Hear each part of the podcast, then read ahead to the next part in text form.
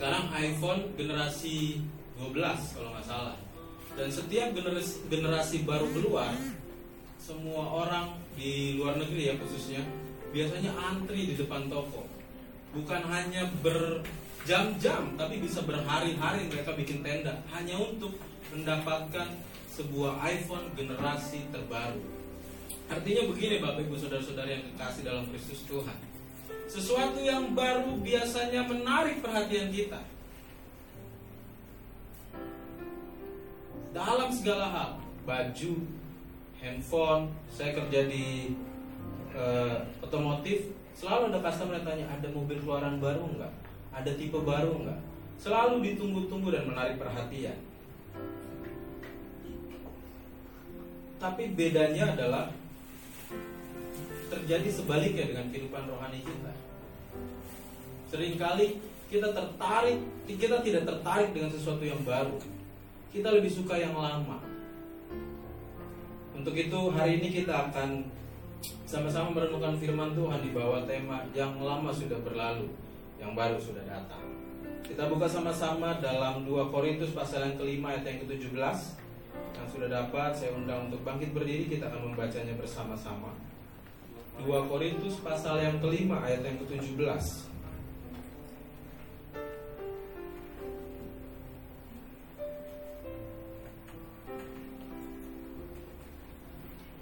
Kalau sudah dapat saya undang untuk bangkit berdiri Karena kita akan membacanya bersama-sama. 2 Korintus pasal yang kelima ayat yang ke-17 1, 2, 3 Jadi siapa yang ada dalam Kristus Ia adalah ciptaan baru. Yang lama sudah berlalu sesungguhnya yang baru sudah. Puji nama Tuhan, silakan duduk. Alkitab berkata yang berbahagia bukan hanya mendengar tapi yang melakukan firman. Saya ulang sekali lagi. Seringkali sesuatu yang baru menarik perhatian kita, tapi yang terjadi sebaliknya dengan kehidupan rohani kita. Kita nggak tertarik dengan sesuatu yang baru, kita lebih suka yang lama. Padahal Alkitab jelas mengatakan bahwa Barang siapa dalam Kristus, ia adalah ciptaan baru. Saudara, menjadi ciptaan baru bukanlah sebuah tujuan, tapi akibat. Akibat dari apa? Akibat dari ada di dalam Kristus. Ini mutlak, ini standarnya. Sama seperti ketika orang masak ya, ada standar kematangannya. Misalnya kalau ayam goreng, apa tandanya matang? Biasanya warnanya agak kecoklat-coklatan lalu ketika dimakan tidak ada lagi darahnya. Uh, memasuki uh, bahtera rumah tangga istri belajar masak. Dan dia tahu saya suka mas, uh, makan ayam ayam goreng. Jadi dia bikin ayam goreng. Dan baru pertama kali seumur hidup saya saya makan ayam bakar goreng. Jadi ayam goreng tapi bentuknya kayak ayam bakar. Tam sekali. Saya suka lihat ini ayam bakar tapi digoreng dialah penemunya sebenarnya. Tapi ada standarnya. Saya suka ledekin ini overcook loh gitu. Oh iya kelamaan ya karena setahu saya kalau masak itu dilihat-lihat belum kuning, belum kuning pas kita tungguin udah kuning kita angkat warnanya akan jauh lebih gelap. Memasak saja ada standarnya. Kita nggak bisa bilang gini, kita manusia baru ketika kita tidak hidup dalam Kristus. Atau begitu juga sebaliknya. Kita tidak bisa berkata kita ada dalam Kristus, tapi kehidupan kita mencerminkan kehidupan yang lama. Ini dua hal yang gak boleh kontra.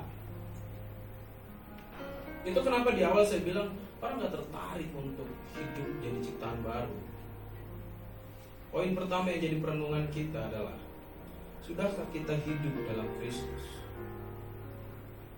Dalam Kristus dalam bahasa aslinya mau kata en Cristo yang bukan hanya bicara tentang posisi dan waktu tapi juga bicara sebuah relasi.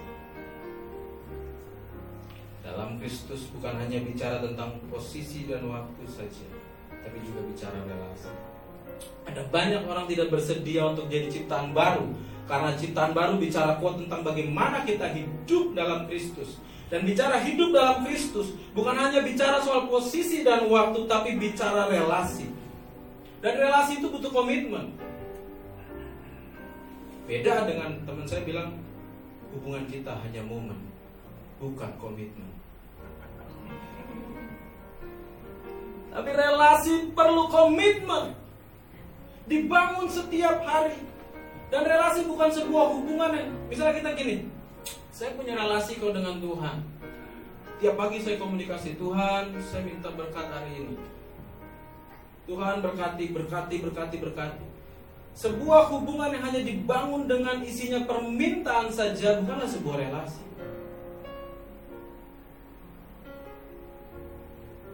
Kebanyakan orang tua suka ketika anaknya minta sesuatu. Pak mau ini dong, mau itu dong. Tapi bukankah dia lebih suka ketika anaknya datang cuma bilang, Pak, aku sayang papa. Bukankah waktu anak kita datang hanya dengan bilang, Pak, aku sayang papa. Kita pengen kasih semuanya tanpa dia minta. Itu relasi. Sejauh apa relasi kita sama Tuhan? Apakah setiap hari hanya diisi dengan permintaan-permintaan? Atau kita membangun sebuah komunikasi yang baik dengan Tuhan?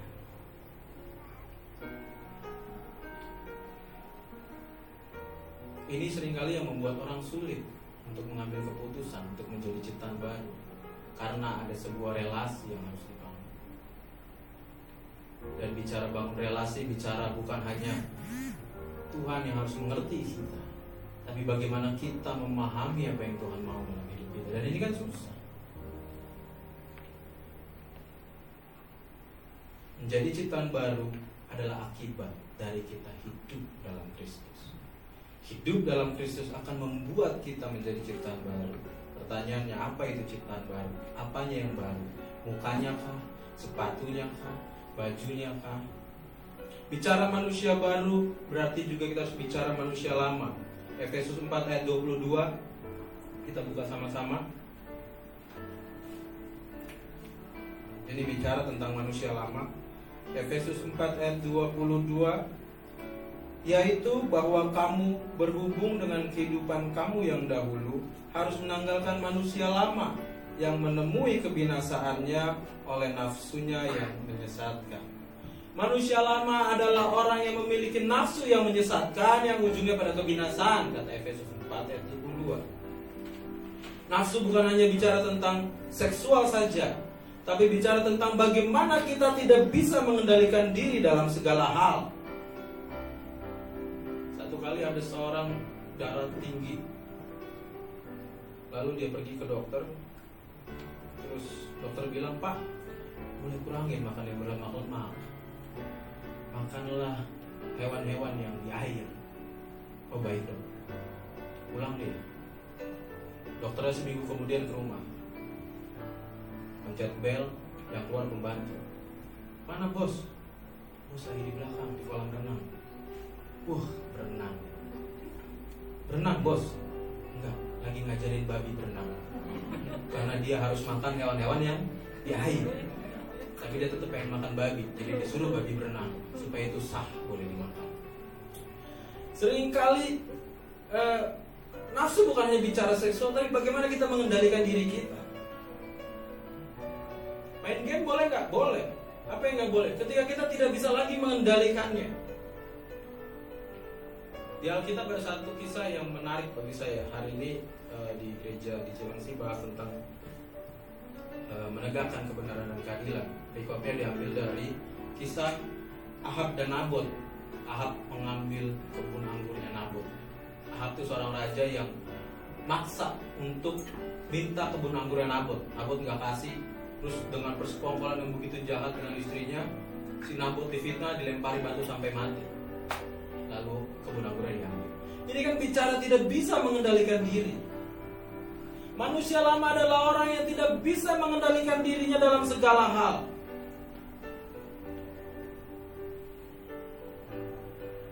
takaran ini bukan dipakai untuk kita menjustifikasi orang lain. Hari ini saya mengingatkan kita semua untuk menjadi bahan introspeksi kita masing-masing. Bukannya kita pakai untuk ah berarti dia manusia lama nih. Hmm, firman nih buat lo nih, dengar nih, wait, wait, dengar. Nah, tapi untuk introspeksi kita, mana posisi? Apakah kita ada dalam bagian sedang hidup dalam manusia lama yang tidak bisa dikendalikan? atau kita hidup dalam manusia baru Efesus 4 ayat 24 bilang dan mengenakan manusia baru yang diciptakan menurut kehendak Allah di dalam kebenaran dan kekudusan yang sesungguhnya.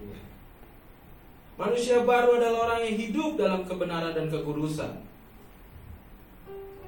Ini standarnya. Bicara kebenaran dan kekudusan artinya bicara tidak ada yang tersembunyi. Semenjak November 2020 setelah saya menikah, lalu kami tinggal di gereja. Saya tahu bahwa hidup saya akan jadi seperti rumah kaca, di mana semua orang akan jadi akan memperhatikan. Salah langkah sedikit pasti diomongin, benar juga pasti diomongin.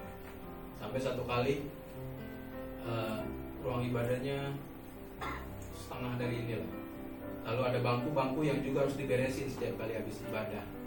Lalu Eh, kita punya satu postor tapi udah tua lalu waktu postornya bener ah, beresin bangku saya mau bantuin terus ada yang bilang jangan pak biarin aja udah ada postor saya bilang ya nggak mungkin lah saya biarin postornya lebih tua dari saya masa iya saya duduk-duduk dia benerin beresin bangku karena semua dilihat hidup dalam kebenaran dan kekudusan bicara semuanya menjadi terbuka baik di hadapan Tuhan dan di hadapan sesama.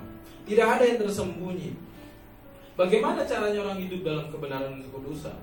Standar siapa yang dipakai? Standar kebenaran kita berbeda-beda tentunya. Benar menurut saya belum tentu benar menurut Pak Gembala. Benar menurut Pak Gembala belum tentu benar menurut teman-teman yang lain. Standar siapa? Standar kekudusan menurut siapa? Dulu zaman saya SMP ribut aja ciuman boleh nggak kok di luar negeri boleh kok di film-film boleh kan beda ya standar mau ikut standar yang mana nih di luar negeri kah hidup dalam Kristus yang harusnya menjadi standar kita makanya ayat pembuka ayat perenungan kita tadi barang siapa ada dalam Kristus dia adalah ciptaan baru Hidup dalam kebenaran dan kekudusan artinya hidup dalam standarnya Kristus. Supaya apa? Supaya naturnya Kristus menjadi naturnya kita.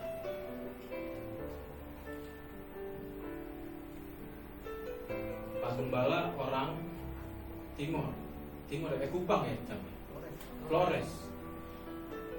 Enggak mungkin orang begitu aja. Hmm, Batak nih, Batak. Enggak mungkin atau Gembala misalnya hmm.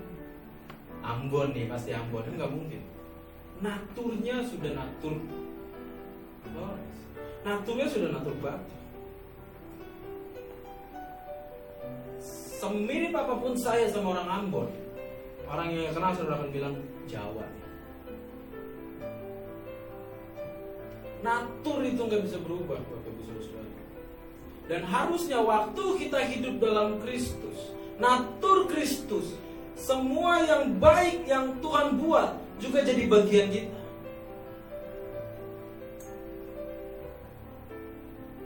Jadi ini yang bikin orang nggak mau sebetulnya. Repot dong. Kalau saya apa-apa standarnya Kristus, susah dong. Saya jadi terikat dong. Saya nggak bisa ngomong sembarangan dong. Saya nggak bisa merokok dong. Loh, bukankah waktu kita ngomong sembarangan kita sedang terikat dengan omongan sembarangan itu? Dan tidak bisa lepas dari situ. Bukankah ketika kita sedang merokok kita terikat dengan itu dan tidak bisa lepas dari situ?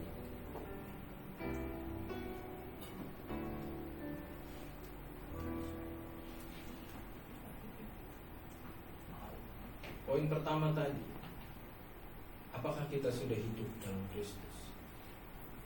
bedanya ada manusia lama dan manusia baru. Itu jadi acuan untuk kita memeriksa apakah kita ada dalam Kristus ketika kita masih dikuasai oleh hawa nafsu kita tidak bisa mengendalikan.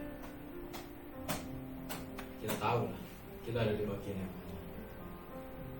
Mengapa harus menjadi ciptaan baru? Kenapa sih nggak udahlah nggak usah lah ribet-ribet yang penting saya gereja. Yang penting saya nggak pernah absen ngasih persembahan. Sudahlah. Kenapa harus menjadi ciptaan baru? Saudara kehidupan kita di bumi bukanlah sebuah tujuan akhir. Tujuan akhir kita adalah hidup bersama Allah dalam kekekalan. Kalau di gereja seberang bilang langit baru bumi baru sana tujuannya. Ada banyak tafsiran mengenai langit baru bumi baru. Ada yang bilang itu satu tempat lain di dimensi lain yang Tuhan buat. Ada yang bilang nanti bumi ini dan langit inilah yang diubah menjadi langit baru bumi baru. Saya tidak akan bahas perbedaan dan perdebatan itu. Tapi yang saya tahu kita akan sampai pada langit baru dan bumi baru dan tidak ada manusia lama yang masuk ke langit baru dan bumi baru.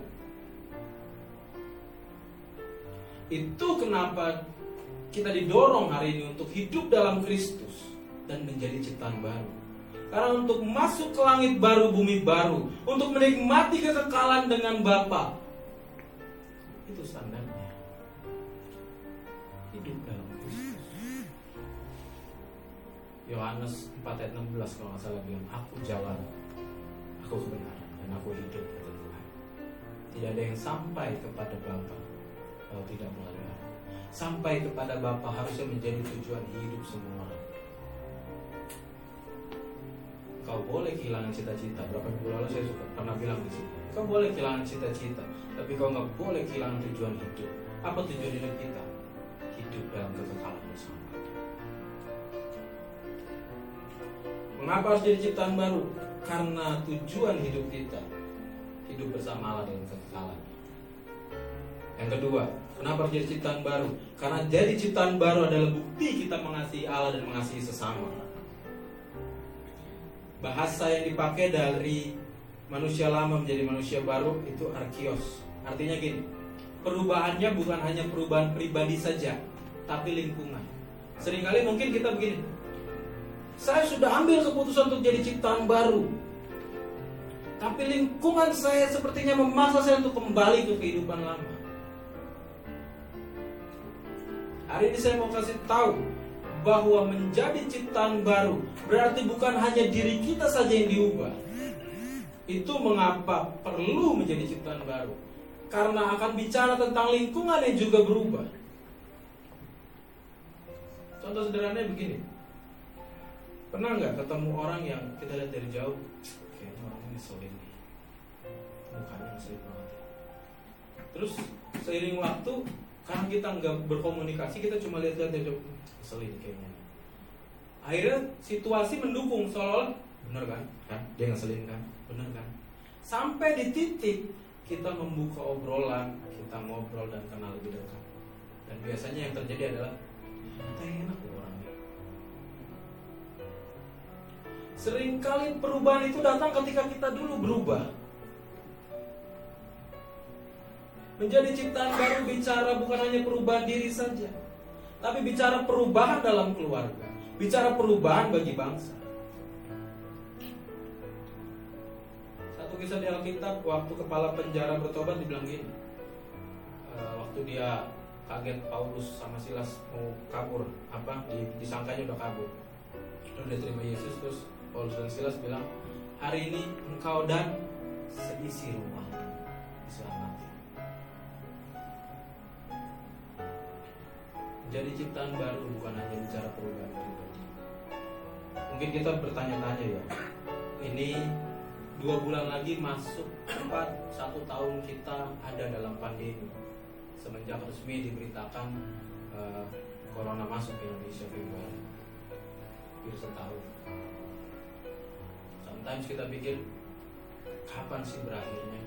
Hidup sudah susah sekali kapan ya bisa habis? Kapan ya bisa selesai? Ini gimana sih? Ini gimana sih? Seringkali kita mengeluh. Dan sering kali di Natal itu yang paling tenar adalah ungkapan begini daripada mengeluhkan kegelapan lebih baik nyalakan lilin tanggung jawab mengubah bangsa ini bukan hanya ada di pemerintahan tapi ada di setiap kita. Bayangkan begini waktu setiap orang mengambil keputusan untuk hidup dalam Kristus, berarti dia ciptaan baru. Naturnya sama dengan natur Kristus. Orang yang naturnya sama dengan natur Kristus akan taat kepada pemerintah. Apa yang pemerintah anjurkan? Taat kepada protokol kesehatan. Pakai masker, cuci tangan, jaga jarak. Kalau semua orang mengambil komitmen itu, saya percaya pandemi 19 selesai. Persoalannya kan gak semua orang sadar dengan itu. Kita yang bilang kita hidup dalam Kristus pun sering kali abai dengan itu. Atau bahkan mungkin kita jadi salah satu orang yang berpikir bahwa ini hanya konspirasi politik.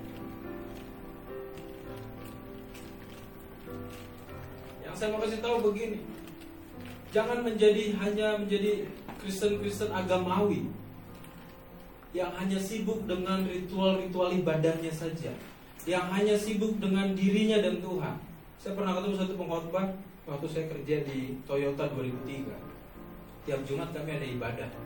Lalu ada satu pengkhotbah dia bilang gini, kami ini fokus menantikan kedatangan Tuhan. Jadi di rumah kami tidak ada TV, tidak ada radio, hanya buku-buku rohani. Anak-anak kami tidak uh, belajar apa-apa kecuali baca buku rohani. Kami menantikan kedatangan Tuhan.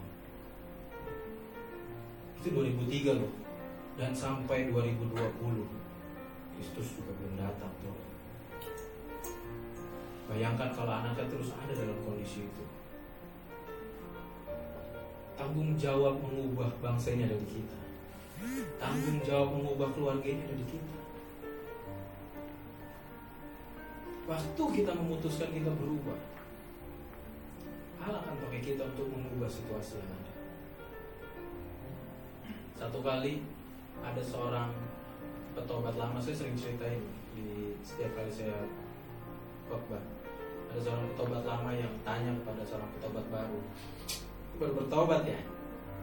Tahu nggak? Tes dulu ya. Siapa nama bapaknya Yesus?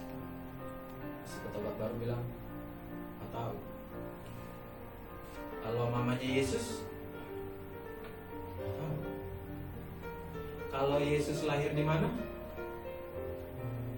Nggak tahu. Kata si petobat baru.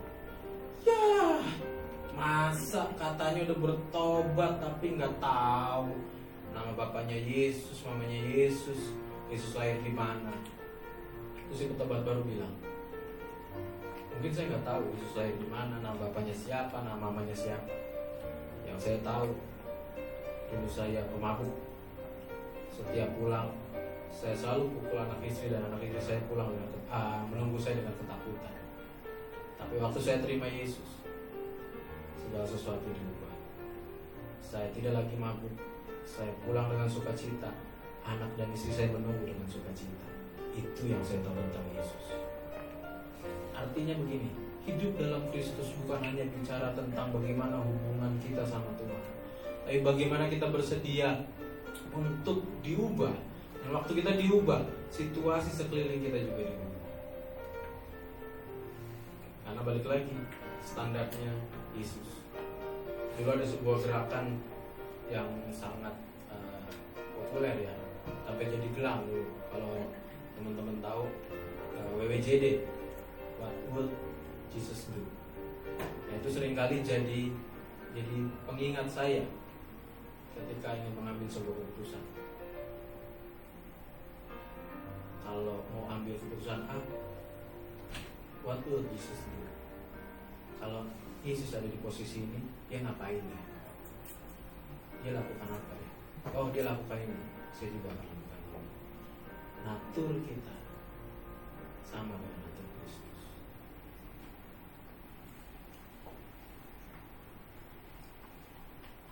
Menjadi ciptaan baru bukan bicara sekali seumur hidup.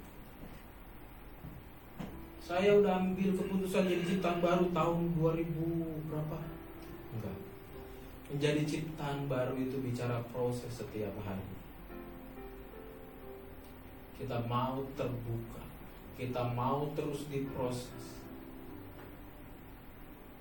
Kita mau terus ada dalam Kristus. Tidak mudah memang mengubah sebuah kebiasaan-kebiasaan yang kita suka untuk hidup dalam kebenaran dan kekudusan. Tapi waktu kita mau dan kita berserah, tidak ada yang mustahil kata firman Tuhan. Selamat menjadi ciptaan baru. Selamat memasuki 2021. Kita nggak tahu ke depannya akan bagaimana. Tapi yang saya tahu dan saya percaya Tuhan ada bersama kita. Waktu Tuhan ada bersama kita, siapa yang jadi lawan kita? Selamat tahun baru, Tuhan berkati. Kita berdoa. Saya minta pemusik ke depan.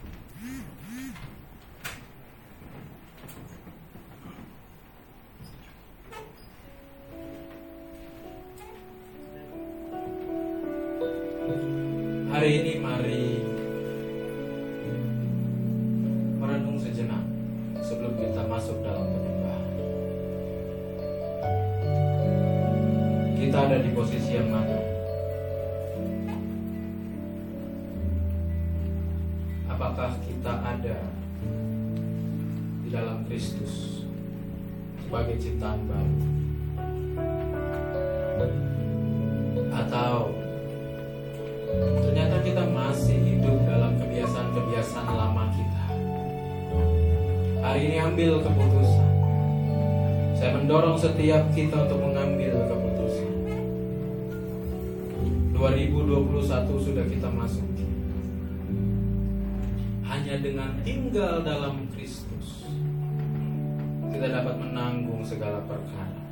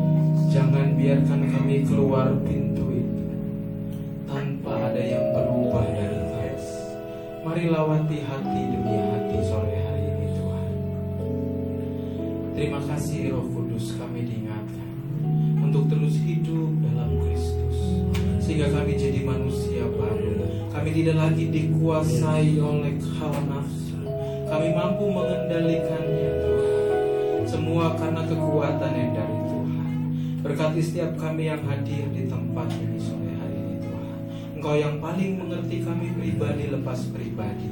Engkau yang menilik hati kami. Engkau yang menegur, Engkau yang menguatkan dan Engkau yang menopang. Memasuki 2021 Tuhan, kami taruh hidup kami dalam tangan-Mu Tuhan. Apa pun yang terjadi kami percaya Tuhanlah kekuatan dan sandaran kami. Hanya kepada Tuhan kami berlari dan menjadi selamat. Untuk itu Tuhan, pegang tangan kami terus sepanjang tahun Berkati mulai dari gembala sidang beserta istri, wakil gembala beserta istri, bahkan setiap anak-anak Tuhan yang ambil bagian dalam melayani Tuhan berkati di tempat ini. Kami bersyukur untuk sore hari ini Tuhan. Kami boleh nyanyi, kami boleh dengar firman dan kami boleh menyembah. Segala pujian, hormat, syukur hanya bagi nama Tuhan. Dalam nama Tuhan Yesus, kita yang mau komitmen hidup dalam Kristus dan menjadi ciptaan baru. Sama-sama katakan, Amin. Puji nama Tuhan.